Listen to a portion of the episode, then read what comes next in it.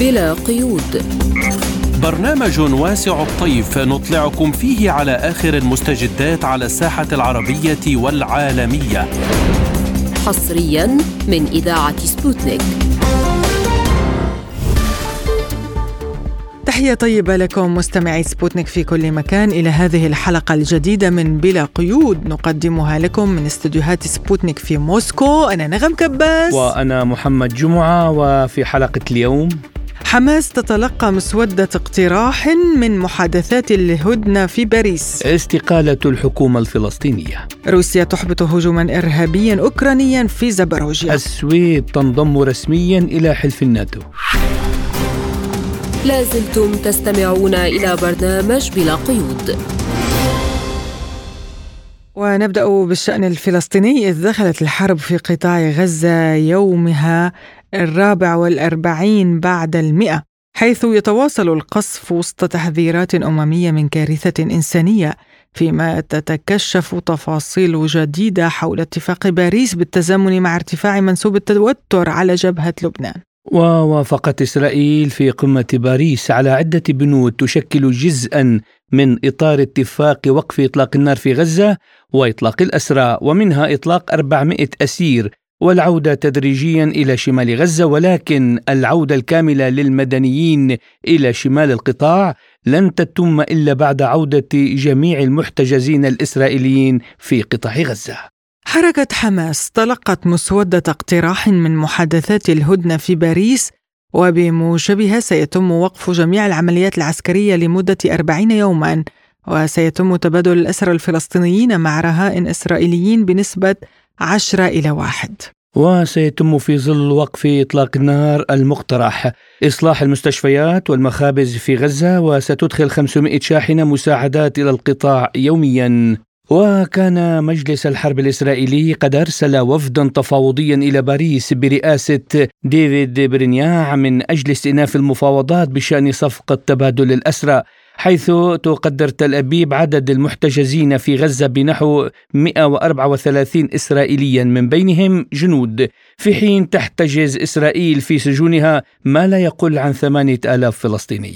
وللحديث أكثر عن هذا الموضوع ينضم إلينا الخبير بشؤون الشرق الأوسط الدكتور فادي أبو دية أهلا بك دكتور فادي في برنامج بلا قيود وأبدأ معك من مدى التزام الولايات المتحدة بتحقيق سلام مستدام من خلال إقامة دولة فلسطينية مستقلة مع ضمان أمن إسرائيل. ولا سيما أن بايدن وعد بالضغط لتحقيق ذلك.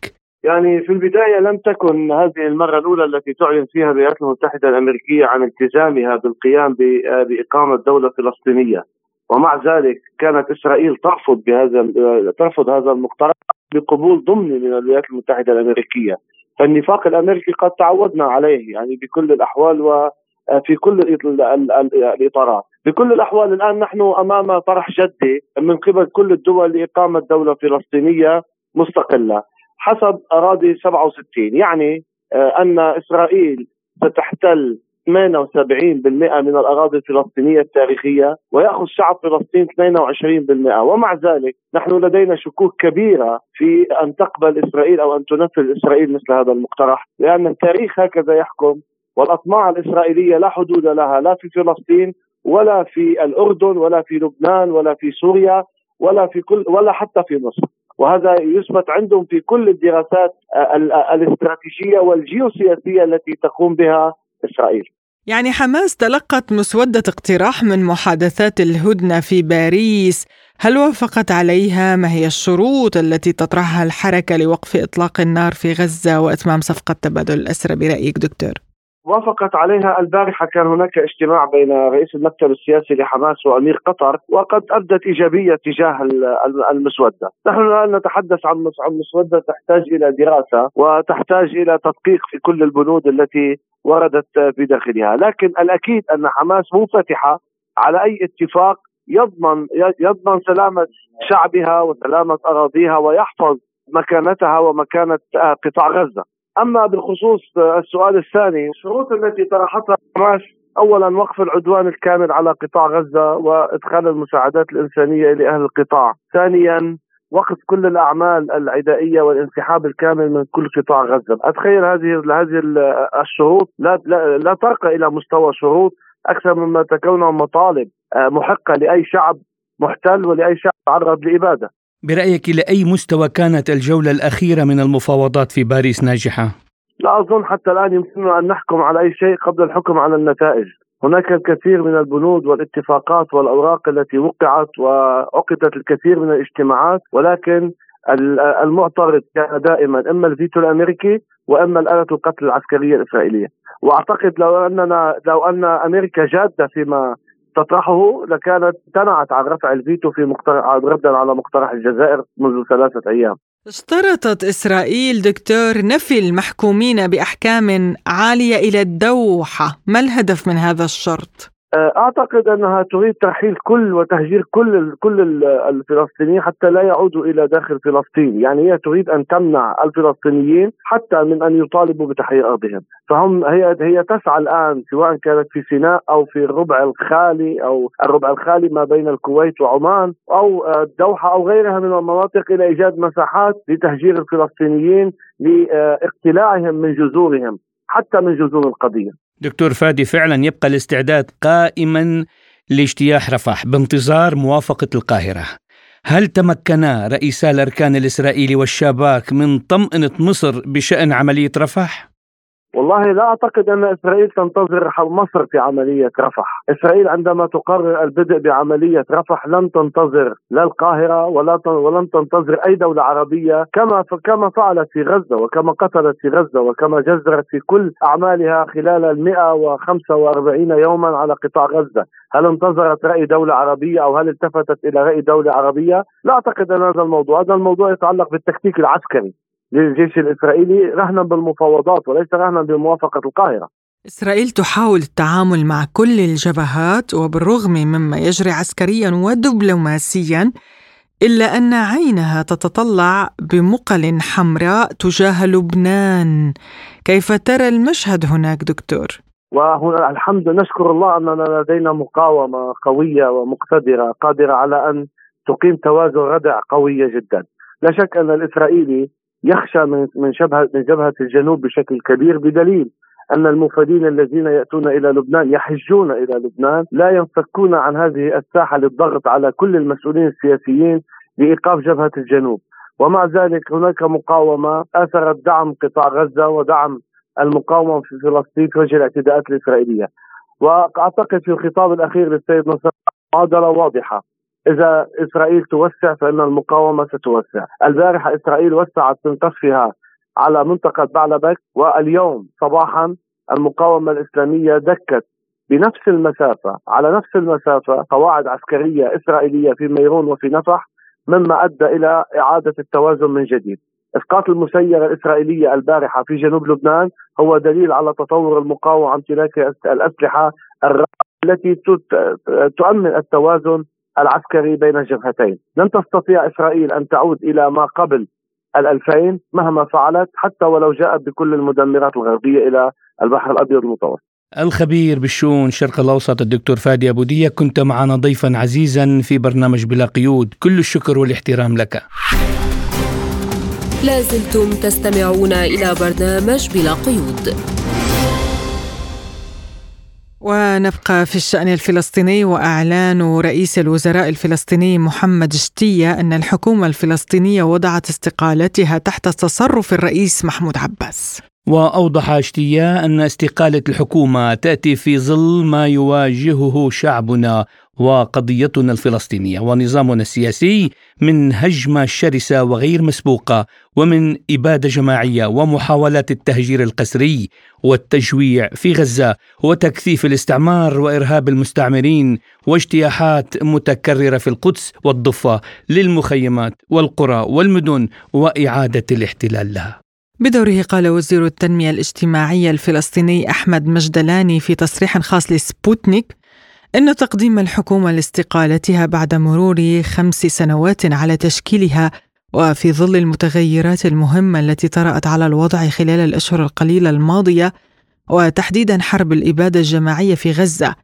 هذه الحكومة واجهت الكثير من الصعوبات والتحديات لا سيما مع استمرار الحرب الإسرائيلية العدوانية في غزة والضفة الغربية والقدس الشرقية ما أدى إلى ظهور اتجاه دولي بدعم قيام سلطة وطنية واحدة على كافة الأراضي الفلسطينية المحتلة في غزة والضفة والقدس. وللوقوف على نتائج هذه الاستقالة ينضم إلينا عبر الهاتف عضو المجلس الثوري والمتحدث باسم حركة التحرير الوطنية الفلسطينية فتح الدكتور جمال نزال. أهلا بك دكتور جمال في برنامج بلا قيود ونبدأ من هذه الاستقالة. ما أسبابها برأيك في هذا التوقيت؟ وكيف تخدم وقف إطلاق النار وما يحدث من عدوان؟ استقالات وتعيين حكومات جديدة دائما آه، يكون في مراحل على مفصل بين آه، مرحلة سياسية وأخرى، ما بعد العدوان الإسرائيلي آه، ضدنا في غزة وفي الضفة الغربية ليس كما قبله، أمور كثيرة تغيرت بما يستدعي تشكيلة جديدة للحكومة الفلسطينية ذات صبغة قادرة أكثر على أن تستقطب المزيد من الدعم الدولي علما بأنه شبه متوقف الآن، سنحتاج إلى إعادة الإعمار وهذا يتطلب تعاونا من درجة أعلى مع الحكومات العالمية، زائد أنه نافذه فرص لحوار فلسطيني فلسطيني بأوراق جديدة. رئيس الشباك الإسرائيلي والأركان أيضا هما في مصر يبحثان موضوع رفح، ماذا سينتج عن هذه الزيارة برأيك دكتور؟ من المؤكد أن إسرائيل تخطط لاجتياح رفح وتدميرها ربما على من فيها وإذا أخذنا بالاعتبار أن رفح حاليا هي الشريان التاجي لغزة من ناحية أنه لا زال فيها رغم الصعوبات أسواق وحاجيات للناس التي تأتي إليها من دير البلح أو خان يونس فما الذي سيحدث عندما يتم إغلاق آخر مدينة فلسطينية؟ وبما فيها من مرافق لا زالت إلى حد ما موجودة، هذا سيفتح باب المجهول للشعب الفلسطيني من ناحية قدرته على التمون رغم أنه يفتقد حتى الآن إلى الماء والمأكل وجميع أنواع التزود بأسباب الحياة، فهذه توجهات إسرائيلية خطيرة ومن الواضح أن إسرائيل في سعيها إلى التهجير والإبادة عن طريق الجوع أو العطش أو غياب الدواء والقصف المباشر معنية بتدمير الشعب الفلسطيني ككل وبالتالي رفح جزء أساسي من هذا المشروع. حماس تشيد بتصريحات قادة دول أوروبية حول رفضهم العدوان الإسرائيلي على مدينة رفح ماذا تتوقعون أنتم في فتح من الاتحاد الأوروبي دكتور؟ اوروبا لديها أوراق ضغط ليست سهلة على إسرائيل، أوراق ضغط قوية لكنها لا لا تطبقها لأن إسرائيل نجحت أن تقنع العالم أن هذه حرب على الإرهاب وتذرعت بوجود حماس وطبيعة حماس وتوجهاتها وميثاقها، هذا في صميم الدعاية الإسرائيلية المغرضه ضد الشعب الفلسطيني أنها استغلت صورة حماس في الغرب لكي تستبيح من حرمات الشعب الفلسطيني ما أرادت أن تستبيح، الدول الأوروبية تماشت حتى الآن مع هذه التوجهات. في الوقت الذي اتخذت فيه الدول الأوروبية بعض الدول الأوروبية خطوات رادعة ضد المستوطنين في الضفة الغربية، لأنها تكيل بمكيال مختلف في شأن الضفة الغربية انطلاقا من أن هناك منظمة التحرير الرئيس ابو مازن وهو هدف ليس سهل عالميا يكتسب شرعية محليا وعالميا تنزع من إسرائيل فرص تقليد هذا أو استنساخ آه، برنامج التدمير الذي تطبقه في غزة. وما الأوراق برأيك لدى فتح اليوم لوقف إطلاق النار أو منع اجتياح رفح؟ أول شيء تعرفون حتى الرئيس بايدن نفسه قبل هذا العدوان على الشعب الفلسطيني قال منذ مدة أنه أمام الحكومة الإسرائيلية الأكثر تطرفا في تاريخ إسرائيل، نحن سبقناه في اكتشاف ذلك، لأن هذا التطرف مكتوب على جلود الشعب الفلسطيني بالنار والحديد، بالتالي أمام حكومة من هذا النوع آه، تقترب من حد الجنون في تصوراتها وتصرفاتها وممارساتها وجرائمها. أحيانا يبدو أن درء المفاسد أوجب من جلب المنافع مع ذلك هناك تحركات للقيادة الفلسطينية القادرة على مشاغلة والتصدي لإسرائيل في ساحات القضاء الدولي، محكمة العدل الدولية، الجنايات الدولية، مجلس الأمن الدولي، الأمم المتحدة، المنظمات الفرعية للأمم المتحدة والجبهة الدبلوماسية العالمية. نحن كفتح من أولوياتنا توفير كل فرصة لوقاية شعبنا حيث لا يتوفر إمكانية لحمايته، الوقاية هي الأساس في المشروع الذي تتبناه حركة فتح. ونرى انه حتى إسرائيل نفسها بعد بعد انقضاء هذه العقود الطويلة لم تستطع حسم هذا الصراع بالوسائل العسكرية. وهي إسرائيل ذات السمعة والسيئة في العالم والمعروفة بأن لديها جيش كبير وليس جيش كبير فقط بل مدعوم من أكبر دول العالم. مع ذلك لم تستطع حسم هذا الصراع بالوسائل العسكرية. هذا الصراع لا يحسم بالوسائل العسكرية وإنما يحسم بأن يتم التوصل إلى اتفاق يؤدي إلى احترام حقوق الشعب الفلسطيني. هذا ما تنطلق منه حركة فتح تبتعد عن الحركات غير المدروسة بما لا ينزع من قيمة حق الشعب الفلسطيني في التصدي للاحتلال والكفاح ضد الاحتلال بأكثر من وسيلة واحدة. غدا تستضيف موسكو اجتماعا للفصائل الفلسطينية. هل تتوقع أن تنجح روسيا بتقريب وجهات النظر؟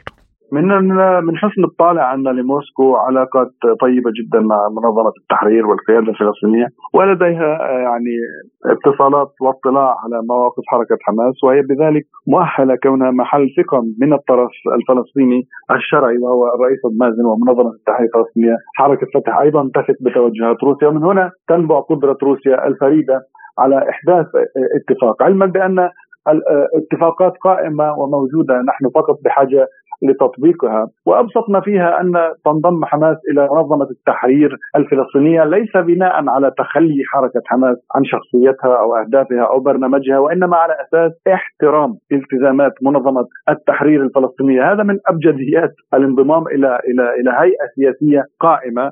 أنني أنضم إلى هيئة سياسية بناء على إيماني بأنني أستطيع أن أضيف لها شيئا ولا أضيف عليها اعباء وأن ألتزم ببرنامجها وميثاقها. عضو المجلس الثوري والمتحدث باسم حركة التحرير الوطنية الفلسطينية فتح الدكتور جمال نزال شكرا لك على هذه المداخلة.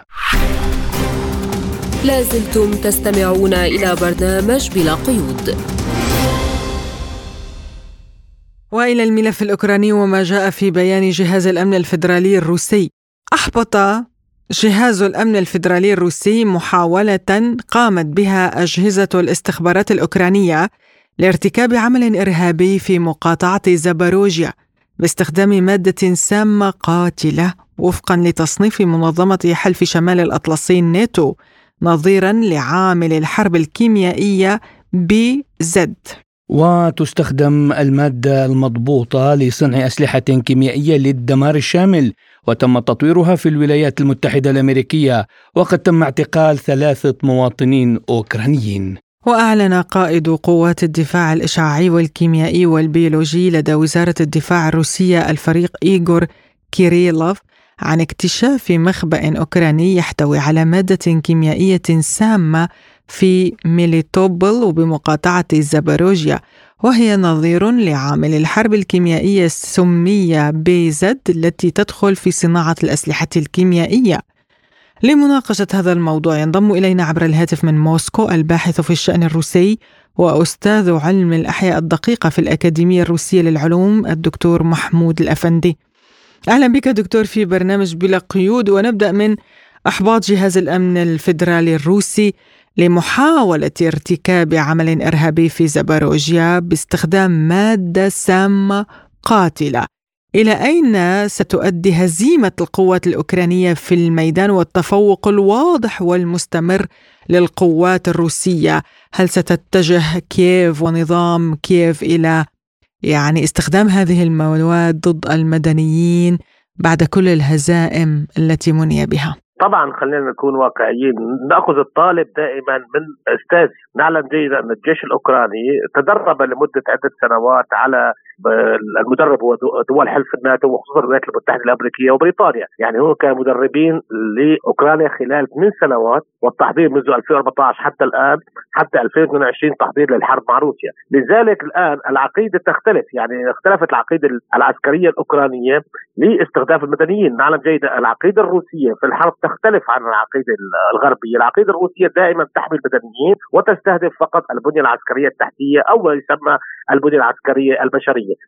بينما العقيدة العسكرية لحلف الناتو أو الولايات المتحدة الأمريكية ولا بريطانيا هي استخداف استهداف المدنيين أو إرهاب المدنيين لإخضاع العسكريين بخوفهم على المدنيين، هي تختلف تختلف العقيدة بين الغرب وروسيا، لذلك أوكرانيا الآن تستخدم أو تستخدم كل ما يسمى آه، طرق العقيدة النووية الغربية في أوكرانيا، يعني إذا آه، وجدت نفسها في مأزق آه، معين تستهدف المدنيين، تستهدف مواد تستهدف ما يسمى مواد قاتلة آه، أسلحة محظورة. رأينا عبر عبر يعني خلال العملية العسكرية الخاصة عدة أمور يعني سجلت استخدام أول من بدأ باستخدام ما يسمى القنابل العنقوديه كانت أوكرانيا، استخدام حتى الأسلحة البيولوجية، الأسلحة حتى الكيميائية. سجلت روسيا عدة مرات باستهداف باستخدام آه، أوكرانيا لمواد آه، كيميائية قاتلة ولمواد بيولوجية قاتلة، يعني هذا يعني أن أوكرانيا تحاول بشكل من الأشكال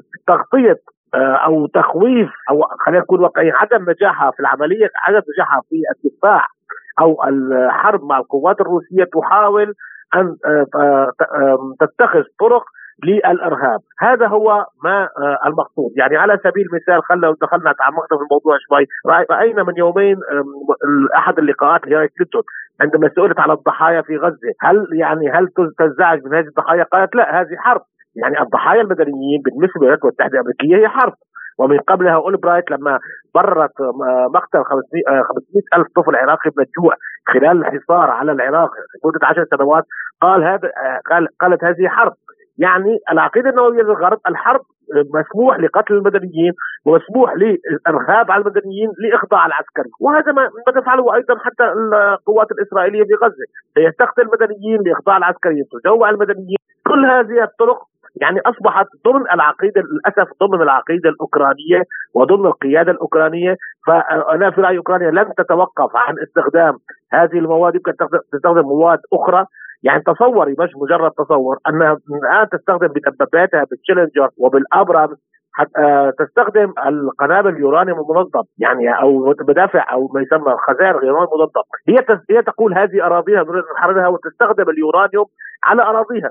ما يعني هذا الكلام؟ يعني كما يقول المثل يعني هم يريدون آه، بشكل عام اتباع الولايات المتحدة الأمريكية بكل طرقها للمحاولة للانتصار على روسيا عن طريق ما يسمى آه، استهداف الأسلحة المحظورة. كل شيء محظور كل شيء محلل لديهم الآن أثناء الحرب، نرى هذا القرار خرج من الولايات المتحدة الأمريكية ونرى أيضا حتى تصريحات الناتو البارحة الخطيرة عندما قالت لا لا تمانع أن تستخدم الأسلحة الغربية للضرب العمق الروسي، يعني نتيجة التقدم الروسي الآن وانهيار خطوط الدفاع الأوكرانية بدأت أوكرانيا وأساتذتها من الغرب أو من يدربها باستخدام كل الطرق الممنوعة للمحاولة من إيقاف الجيش الروسي. الطائرات الروسية المسيرة الانتحاريه لانسيت دمرت دبابة أبرامز الأمريكية ومدفع ارتشر عيار 155 ملم السويدي الصنع. دكتور هل يمكن أن نعتبر أن روسيا فعلا قد بدأت تتفوق بالمسيرات بعد أن عانت من حربها سابقا؟ يعني نرجع لتاريخ المسيرات، فعلا المسيرات أصبحت من أكبر العناصر الحرب الحديثة، يعني بدأت تفوقها تظهر في حرب الأذربيجانية الأرمنية باستخدام القوات الأذربيجانية لطائرات البيرقدار، وبدأت بعد ذلك تتسالى وعندما بدأت الحرب الأوكرانية استخدمت أوكرانيا أو الجيش الأوكراني العديد من أنواع المسيرات، روسيا كانت نوعا ما ليست متقدمة في صناعة المسيرات. كانت أغلبية المسيرات لدى روسيا هي مسيرات تجسسية فقط للتصوير واستطلاعية. لذلك بدأت روسيا بسرعة فائقة بإنتاج أسلحة وبإنتاج مسيرات محاربة والمقصود فيها هي المسيرات الانتحارية.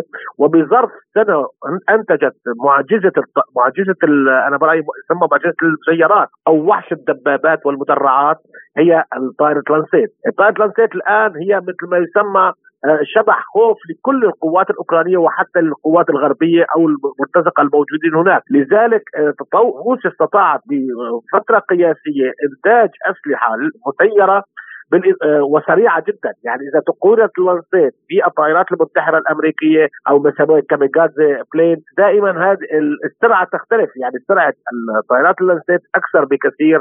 من سرعه الطائرات الأمريكية الانتحارية.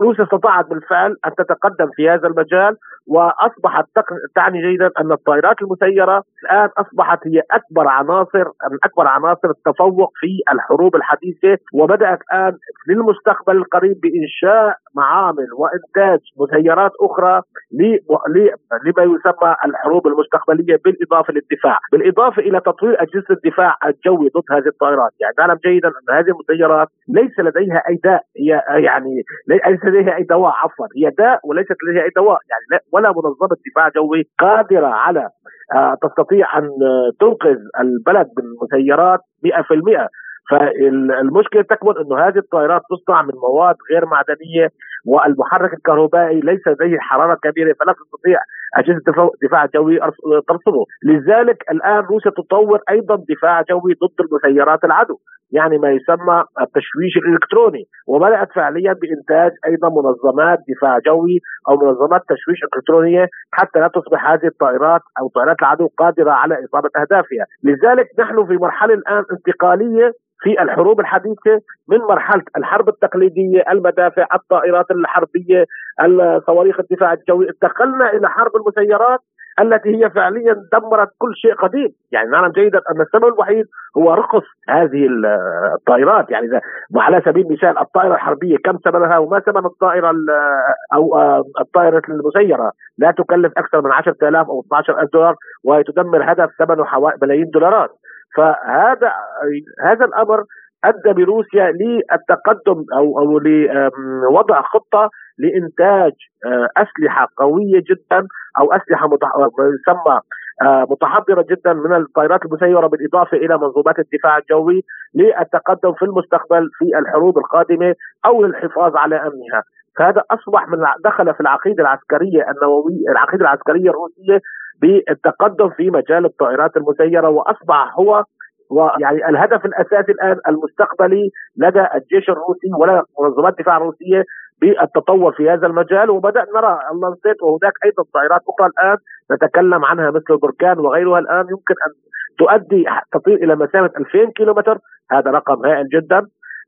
بالإضافة إلى تطوير المسيرات الإيرانية يعني كانت استخدمتها روسيا في بداية الحرب على على أوكرانيا الآن تطورت وأصبحت أقوى من الطائرات الإيرانية، يعني روسيا الآن قادمة بمجال تطوير هذه الطائرات وتطور بشكل سريع وهذا ما ما يسمى يقلق الغرب، يقلق الغرب لأن روسيا استطاعت بعدم يعني كانت روسيا لا تملك أي طائرات مسيرة حربية الآن تملك كمية هائلة من هذه الطائرات وحديثة أيضا وتتفوق على كل حلف الناتو بعدد الطائرات وبتكنولوجيا هذه الطائرات. ماكرون قال لا يوجد إجماع حول إرسال قوات أوروبية لأوكرانيا ولكن لا يمكن استبعاد الأمر. هل تعتقد أن أوروبا قادرة على تحمل رد الفعل الروسي على هكذا خطوة دكتور؟ يعني أول شيء خلينا نأخذ إنه الاجتماع باريس امبارح كان ملفت للنظر في عدة أمور. إنه لم يدرس لو أو لم آه، يناقش في هذا المؤتمر المساعدات العسكرية لأوكرانيا. بل اطرق اطرق هذا الموضوع إلى تدخل قوات الناتو بشكل مباشر على الاوكرانيه هذا يعني في رأيي كمحلل سياسي أن أن بالفعل لدى أوكرانيا ليست لديها مشاكل فقط في نقص الأسلحة ولكن في نقص العتاد البشري الآن نعلم جيدا أن حتى خرجت بعض الوسائل الأعلام الأمريكية تقول أن أوكرانيا بحاجة إلى مليون عسكري لتحاول أن توقف روسيا وأن تعزز الجبهة العسكرية الموجودة على شرق أوكرانيا.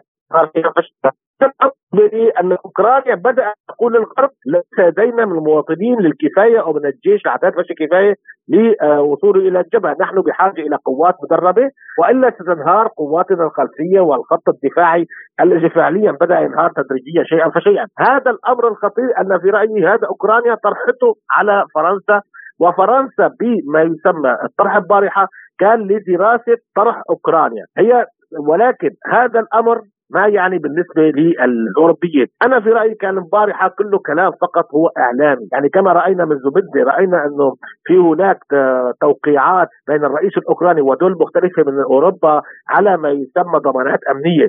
مع إيطاليا، مع بريطانيا، مع فرنسا، مع ألمانيا، ولكن إذا قرأت هذه الضمانات الأمنية هي ضمانات رمزية يعني هي سياسية وليست عسكرية. نفس الشيء البارح هو رمزي أنا في رأيي كان التكلم لأنه تعلم أوروبا وتعلم فرنسا وتعلم كل دول حلف الناتو اذا نقلت قواتها إلى الجبهة الأوكرانية أو تدخلت على الأرض الأوكرانية هذا يعني حرب عالمية ثالثة.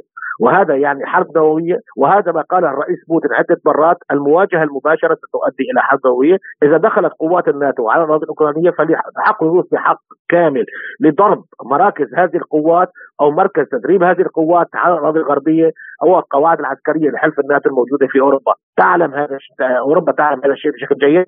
فرايي النقاش البارحة كان فقط كمصدر هدف إعلامي لا أكثر ولكن برأيي هذا يعكس أن الجيش الأوكراني بالفعل ليس لديه أعداد البشري وهذا ما يطالب الآن فيه، يعني كان اول شيء يطالب بالأسلحة الدفاعية، بعد ذلك الأسلحة الهجومية، بعد ذلك المعونات الاقتصادية، الآن يطالب بقوة بشرية. أيضا ماكرون أعلن عن تشكيل تحالف لتزويد أوكرانيا بأسلحة بعيدة المدى. أي تصل للعمق الروسي، ما تأثير ذلك على الميدان برأيك دكتور؟ يعني نعم جيد أن المشكلة تكمن الآن في الهستيريا اللي حصل اللي بدأت في أوروبا، يعني لا شيء يستطيع أن يوقف الآن، يعني كل آه، آمالهم على العملية العسكرية المضادة التي أطلقتها أوكرانيا وكانت تعلم جيدا أن لن يعني أوكرانيا كانت لا تستطيع أن تنتصر على روسيا بالعملية المضادة ولكن ستعزز مواقفها في التفاوض المستقبلي مع روسيا. ولكن بعد انهيار بعد انهيار الهجوم المضاد لدى أوروبا أو لدى حلف الناتو وحلفاء أوكرانيا ليس لديهم خطه ب ماذا سيفعلوا في المستقبل؟ الآن بدأنا نرى هذه التخبطات. يعني ما يعني وجود تحالف لأسلحة بعيدة المدى لصواريخ بعيدة المدى؟ دعنا ندرسها لا تستطيع آه، أوروبا قد كيلو إعطائها لأنه هي بحاجة إلى تدخل مباشر. يعني هذه هذه الأسلحة يجب أن تذهب مع القوات حلف الناتو. هذه ليست قوات تدريبية تعتمد على الأخبار الصناعية على التوجيهات على أجهزة الاستخبارات أجهزة الاستخبارات والأجهزة الصناعية. يعني إدخال كل صاروخ يجب أن تدخل معه كتيبه من الجيش آه، الذي آه، أنتج هذا السلاح يعني الجيش الألماني أو الجيش الفرنسي. ونعود لسؤالك السابق هذا يعتبر تدخل مباشر في الحرب آه، مع أوكرانيا ويؤدي إلى حرب نوويه لذلك كل هذه القرارات الهستيرية يعني على سبيل المثال البرلمان الألماني البارحه على صواريخ التارس لم يصوت بإعطاء أوكرانيا التارس ولكن قال صوتنا لإعطاء أشياء أخرى بعيدة المدى. ضد روسيا. ما هي الأشياء؟ ما هو؟ هذا هو صاروخ هو طلقة ناريه هو طلقة ار بي جي حتى الآن لا أحد يعلم هذا اللغز. الآن بدأت أوروبا تتجه إلى الغاز وتتجه تتجه إلى ما يسمى هستيريا الحرب. يعني بدأت الآن تعلم أوروبا ليست لديها خطة بمواجهة روسيا، فشلت في كل شيء، في المواجهة العسكرية فشلت، في آه، الحرب الاقتصادية فشلت، في الحرب الإعلامية فشلت، الآن تريد أي شيء لإيقاف روسيا، فأنا يعني وما حصل في قمة العشرين الوزراء آه، الخارجية آه، أن كل آه، التركيز كان على الوزير لافروف ويعني هذا أن عزل روسيا أصبح يعني ما يسمى هدف لا يحقق. لذلك بدأت هذه الهستيريا تنطلق من أوروبا، ليس هناك تقدم انهيار لخطوط الدفاع الأوكرانية، المدن الأوكرانية أو البلدات الأوكرانية تسقط شيئا فشيئا، إذا سقطت بعض البلدات الأوكرانية الآن ستنتهي آه، تتحقق روسيا الهدف الأساسي في تحرير الدنباس، بعد ذلك يدي هدف آه، ما يسمى نزع النازية، هذا يمكن أن ياخذ طويل من زمن ولكن انهيار الخطوط الدفاعية هو يتم الآن بشكل سريع، هذا أدخل أوروبا في هستيريا فاصبحوا أمام يعني أمر واقع. هو روسيا الآن تنتصر شيئا فشيئا. فكيف سيوقفون الروس أو سيوقفون الروس في معركة مع أوكرانيا؟ الباحث في الشأن الروسي وأستاذ علم الأحياء الدقيقة في الأكاديمية الروسية للعلوم الدكتور محمود الأفندي كنت معنا عبر الهاتف من موسكو. شكرا لك على هذه المداخلة. لازلتم تستمعون إلى برنامج بلا قيود. وإلى السويد التي تنضم رسميا الآن إلى حلف الناتو. وقد وصف المستشار الألماني أولاف شولتز تصديق البرلمان المجري على الطلب السويدي لعضوية الناتو بأنه انتصار مشترك مشيرا إلى أن انضمام الدولة الإسكندنافية إلى الحلف سيجعله أقوى فضلا عن تعزيز أمن أوروبا والعالم بأسره. بعد أن صادقت تركيا على عضوية السويد في التحالف في يناير كانون الثاني ظلت المجر آخر الدول الحليفة التي لم تفعل ذلك.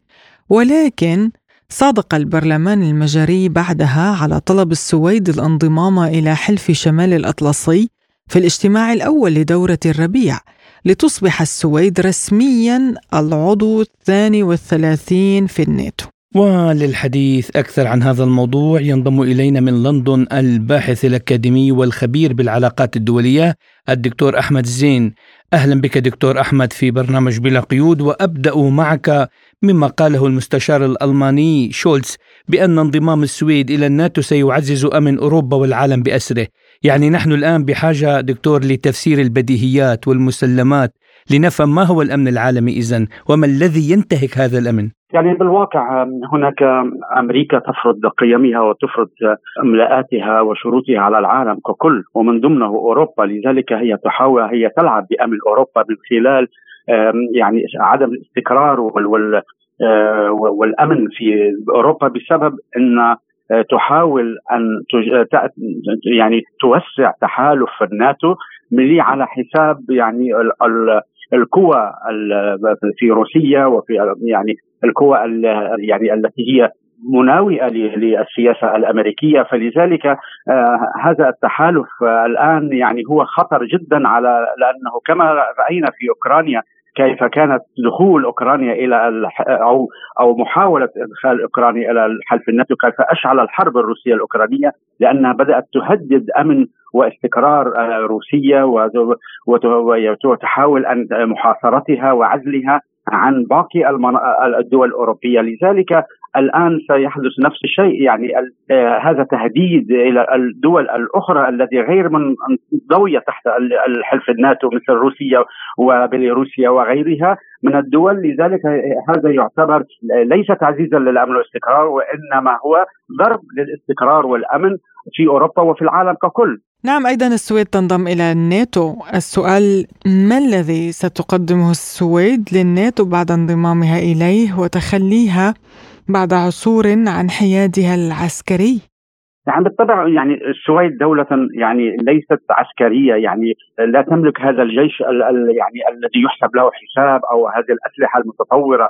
يعني السويد هي بلد عايش على على السياحة وعلى يعني بلد يعني ليس له هذا الثقل آه، في الحسابات الدولية والتحالفات الدولية. لذلك هو هناك محاولة أمريكا هي من يعني إقناع هذه الدول السويد وغيرها للانضمام إلى حلف الناتو من أجل يعني عدم التقارب مع روسيا وعدم يعني هناك تكون تعاون اقتصادي أو ثقافي وتبادل يعني لأي نوع من من التعاون العسكري أو الأمني. لذلك هي محاولات من يعني من أمريكا لفرض هذا يعني رؤيتها على الشرق على الشرق الأوسط ورؤيتها على أوروبا ورؤيتها على العالم.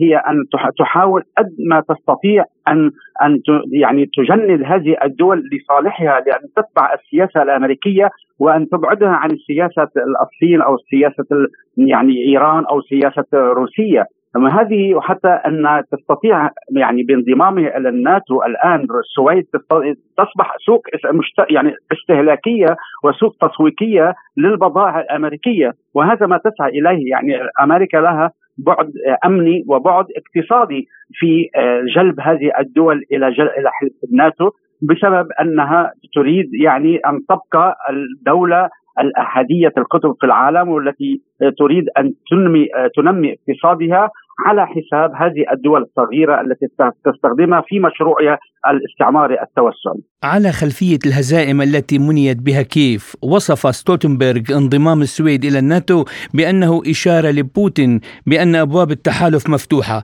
دكتور هل تتوقع المزيد من التوسع في هذا التحالف؟ يعني آه، لا لا أتوقع ان يعني هناك يعني توسع أكثر لأن آه، هناك خطوط حمر تفرضها روسيا في المنطقة الأوروبية لأن اوروبيه روسيا لن تسمح آه، بأي خطوات على حدودها من يعني مثل أوكرانيا أو غيرها أن تتشجع لأن تطلب الانضمام إلى الناتو لأنه هذا تهديد للأمن الروسي وتهديد للأمن الأوروبي لأن روسيا كما أخذت خطوات لمنع هذا الخطوات في, في العملية الخاصة العسكرية التي قامت بها في أوكرانيا فهي مستعدة إذا ما تهددها أمنها القومي ويعني محاولة محاصرتها وعزلها أن لا تتردد ابدا في إعادة أن تقوم بعملية عسكرية خاصة أخرى في أي دولة تريد آه، أو تفكر بالانضمام إلى حلف الناتو.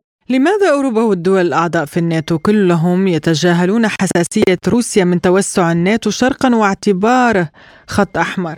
طبعا آه، روسيا دولة عظمى دولة نووية دولة صاعدة أصبحت آه، يعني كانت بال... بعد ما تفكك الاتحاد السوفيتي كانت لم يكن لها دور سياسي في العالم ولكن بعد مجيء الرئيس بوتين حاول إعادة أمجاد روسيا وإعادة أن تصبح روسيا في من الدول التي يعني صانعة القرار في العالم. لذلك هي ذهبت إلى سوريا وحاولت أن يعني ان أن تقضي على الإرهاب الذي كانت أمريكا تحاول أن تريد أمتداده من روسيا نحو الحدود الروسية. فلذلك من الوقت ذلك الوقت بدأت روسيا لاعب أساسي ورقم صعب في المعادلة السياسية الدولية. فلذلك وهناك لها يعني جيش قوي جدا وهي يعتبر من ثاني الدول الجيوش العالمية وهي من الدول المتطورة سياسيا عسكريا وامنيا. فهذا ما يخوف أمريكا من صعود كتب آه، أو أو أقطاب متعددة القوى والأيديولوجيات تنافس أمريكا في الاقتصاد وفي السيطرة على العالم وعلى الهيمنة. فلذلك هذا أمريكا تحاول استنزافها من خلال دعم اللامشروط لأوكرانيا بهذه الأموال والأسلحة من أجل استنزاف القدرات العسكرية والاقتصادية لروسيا ولكن فشلوا في ذلك طبعا وكذا يعني وكذلك فرضوا العقوبات. وهذه العقوبات فشلت أيضا وكان لها مردود عكسي على أوروبا وعلى العالم. بأن الربط استطاعت روسيا احتواء. كل هذه الخطوات التصعيدية من قبل أمريكا والحلف الناتو واستطاعت أن تنتصر في الميدان حتى في أوكرانيا واستطاعت أن تضم كثير من من من الأقاليم اللي هي التي يسكنها آه، الغالبية من من الأصول الروسية. فلذلك آه، يعني آه، أمريكا فشلت في روسيا وهي تحاول تعويض عن فشلها عفوا فشلت في أوكرانيا. أمريكا لذلك تحاول التعويض عن خسارتها في ذهاب نحو إقناع دول أوروبية في الانضمام إلى حلف الناتو لاستفزاز روسيا ولمحاولة يعني منع هذه الدول من مد آه، جسور التعاون وجسور يعني آه، التبادل التجاري والعسكري والامن. الباحث الأكاديمي والخبير بالعلاقات الدولية الدكتور أحمد زين كنت معنا ضيفا عزيزا في برنامج بلا قيود شكرا لكم. لازلتم تستمعون إلى برنامج بلا قيود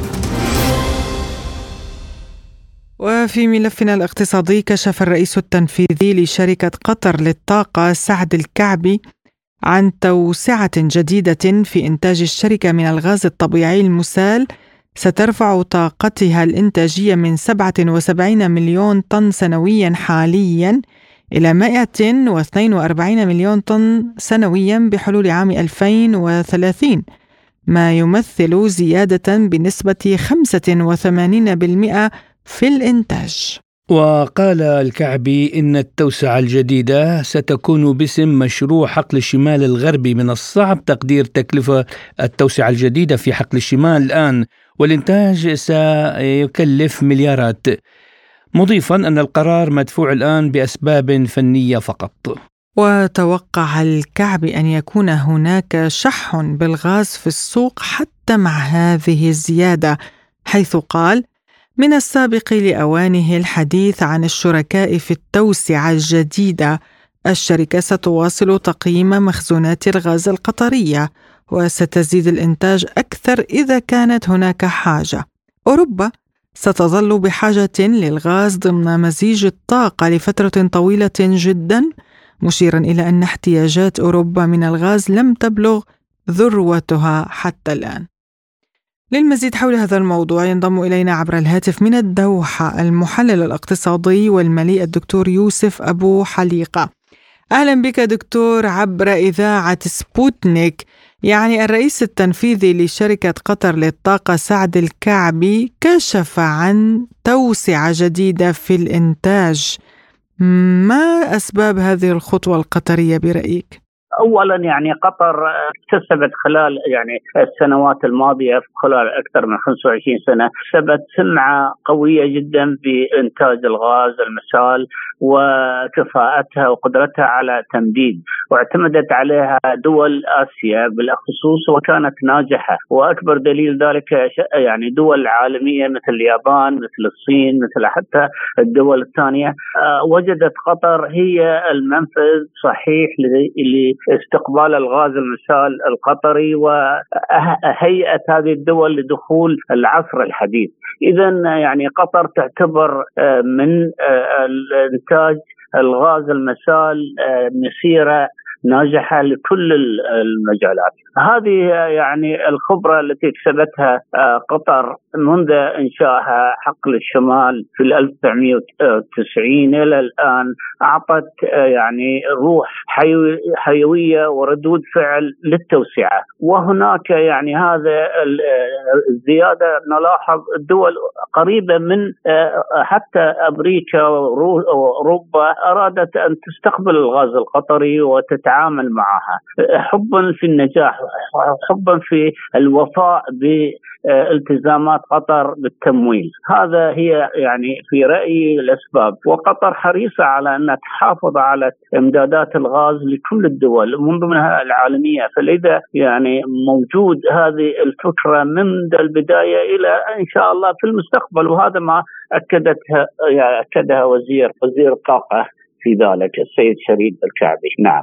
وكيف سيؤثر ذلك على الأسواق العالمية برأيك؟ اولا خلينا نرى يعني السوق العالمية في توسع والعالم قد يكون في خلال العشر سنين القادمة طلب يفوق ال 50% عن الحاضر عالميا فهذا يعني لن يغطي يعني قطر طلب منها لفترات السنوات الماضية تغطية كثير وكان حقل الحالي اللي هو 77 مليون طن لن يغطي تكاليف هناك بلدان زي الهند بنغلاديش. حتى سريلانكا طلبت من قطر هذه زيادة وهم أوروبا طلبت من قطر زيادة. لكن قطر لا عندها الكفاءة المشروع الموجود حاليا يغطي 77 مليون طن. وهناك طبعا آه، استثمارات ضخمة أدت في التالي إلى أن ب 2000 ب 2024 أو 25 حيزيد الإنتاج إلى 100 أو 126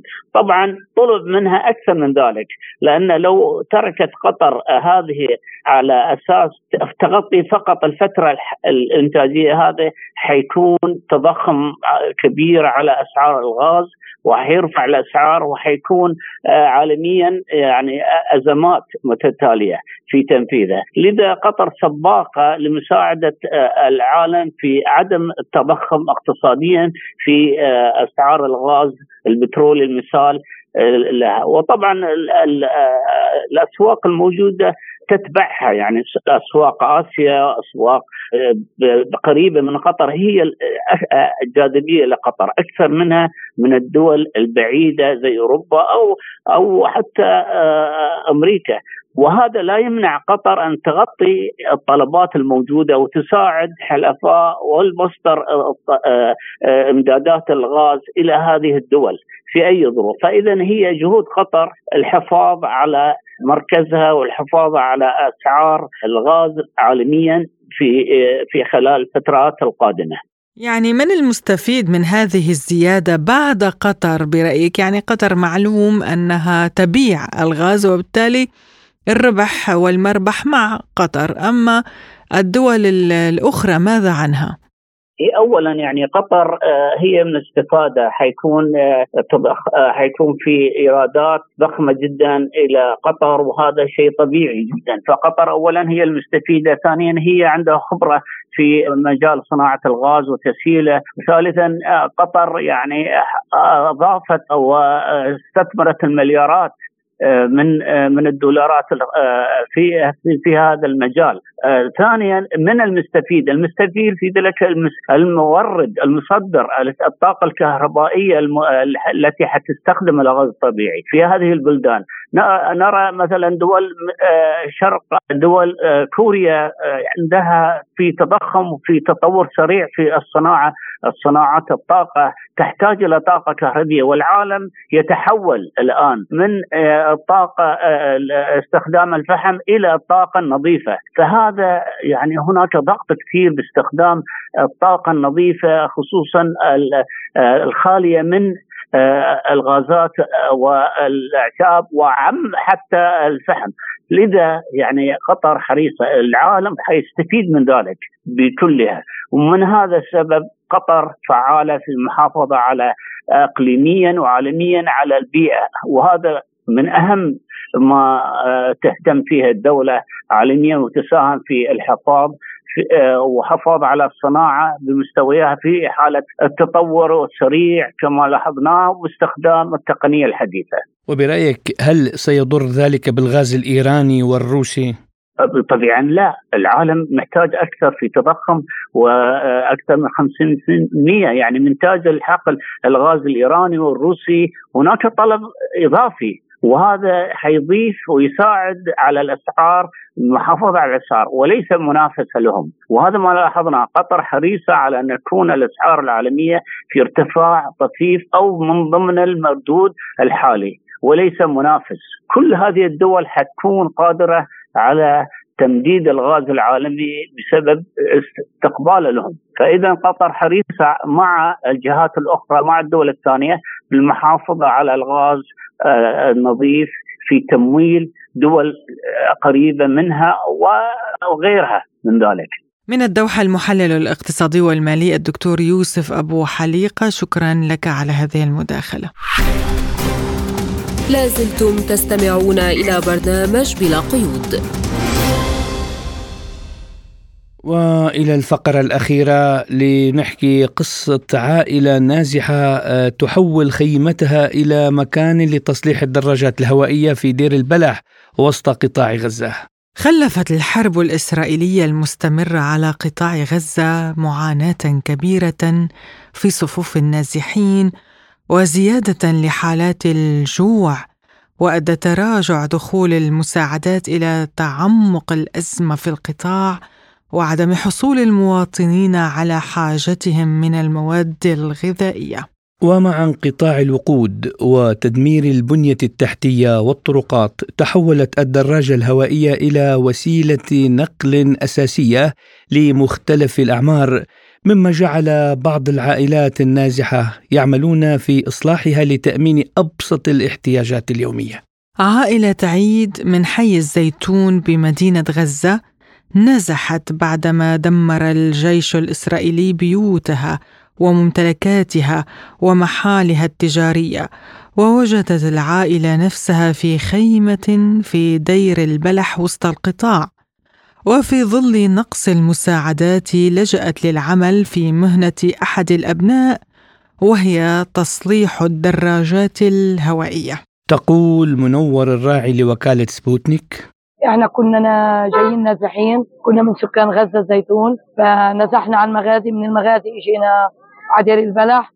ما لناش مصدر رزق ما حدش دور علينا ما حدش طلع فينا. فاضطرينا إحنا اولادي يرجعوا لصنعتهم القديمة يشتغلوا يعملوا بسكليتات والحمد لله رب العالمين بدخلوا 20 30 40 حسب ما ربنا بيبعث لنا الرزق.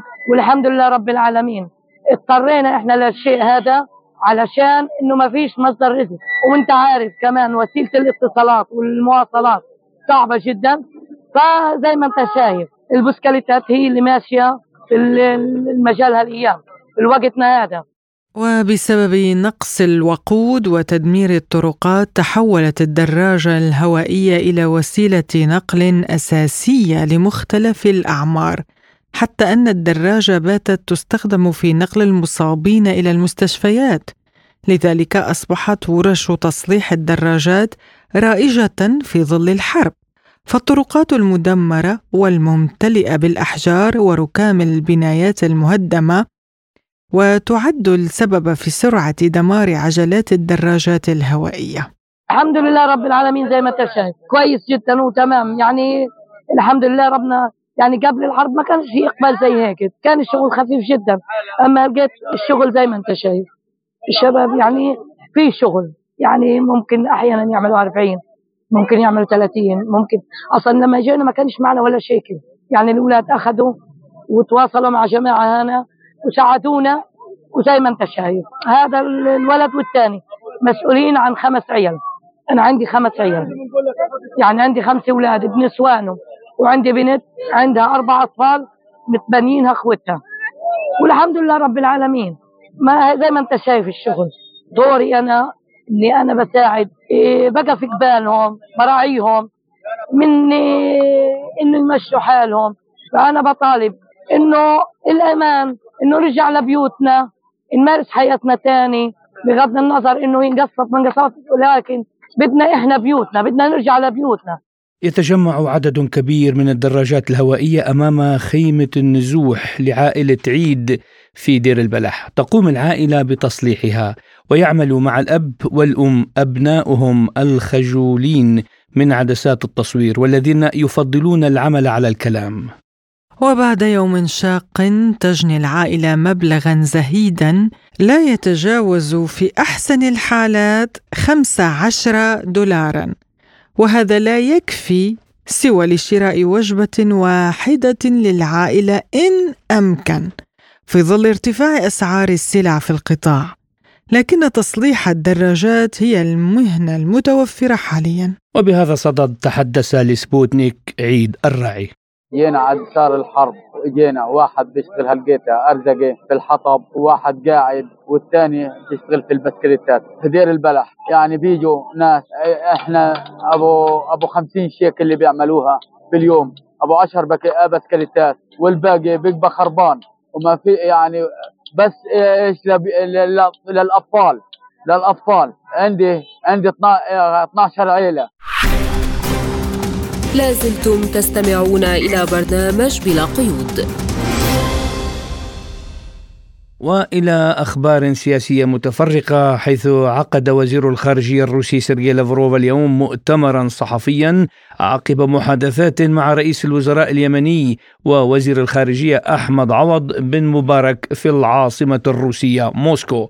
قال وزير الخارجية الروسي إن موسكو لا تبرر هجمات أنصار الله على السفن التجارية ولكن الولايات المتحدة ليس لها الحق أيضا في إطلاق النار على اليمن في هذا الصدد. بدأت الدورة الواحد والأربعين لمجلس وزراء الداخلية العرب في تونس بعد إقراره جملة من الملفات الأمنية والقضايا الإقليمية الملحة. بحضور وزراء الداخلية في الدول العربية ووفود أمنية رفيعة المستوى إضافة إلى ممثلين عن جامعة الدول العربية والمنظمة الدولية للشرطة الجنائية الإنتربول ومكتب الأمم المتحدة لمكافحة الإرهاب. أعلن المتحدث باسم الرئاسة الروسية ديمتري بيسكوف بأن الكريملين اطلع على كلام الرئيس الفرنسي إيمانويل ماكرون حول موضوع إرسال عسكريين إلى أوكرانيا والذي نوقش في أوروبا. وأضاف بيسكوف خلال مؤتمر صحفي أنه بشكل عام ربما تكون حقيقة مناقشة إمكانية إرسال وحدات معينة إلى أوكرانيا من دول الناتو بالطبع عنصرا جديدا مهما للغاية ولقد أخذنا جميع التصريحات في الاعتبار ونعرف جيدا موقف السيد ماكرون فيما يتعلق بضرورة إلحاق هزيمة استراتيجية بروسيا. وصف وزير الخارجية الإيراني حسين أمير عبد اللهيان تقاعس مجلس الأمن الدولي بشأن الإبادة الجماعية في غزة بكارثة القرن الدبلوماسية قائلا إن استمرار جرائم الحرب الإسرائيلية وتوسيع نطاق الحرب تشكل تهديدا حقيقيا للسلم والأمن الدوليين مشيرا إلى مقتل أكثر من ثلاثين ألف شخص أي سبعين بالمئة منهم من النساء والأطفال. أعلن الرئيس الروسي فلاديمير بوتين اليوم في تحيته للمشاركين والضيوف في المؤتمر الثاني للحركة الروسية الدولية محبو روسيا. بأن الحركة الروسية الدولية تقدم مساهمة كبيرة في مكافحة محاولات الغرب الجماعية لعزل روسيا وتساعد في نشر معلومات موضوعية عن البلاد في الخارج. رأى حزب الله اللبناني أن مواجهة إسرائيل في جنوب لبنان لمصلحة غزة ولمصلحة لبنان، مؤكدا أن ما استخدمته المقاومة من أسلحة حتى الآن هو الحد الأدنى. إذ قال نائب الأمين العام لحزب الله الشيخ نعيم قاسم إن أي توسيع سيكون مقابله توسع وأي تجاوز للحدود سيؤدي إلى تجاوزات للحدود بالنسبة إلينا. ليس هناك ما يوقفنا إلا قرارنا وتقديرنا بأن المصلحة ما نقوم به. لكن عندما يتوسع الاعتداء فالمصلحة أن نوسع لنمنع هذا الاعتداء من أن يتمادى ومن أن يحقق أهدافه. إسرائيل تدمر في جنوب لبنان لكن المقاومة أيضا تدمر عندهم وخسائرهم أيضا ستكون كبيرة. المواقف السياسية والاعتراضات الشكلية لا تردع إسرائيل. وحده السلاح والمقاومة يمكن أن يردعها. إلى هنا تنتهي حلقة اليوم من برنامج بلا قيود. كنت معكم أنا محمد جمعة. وأنا نغم كباس. إلى اللقاء.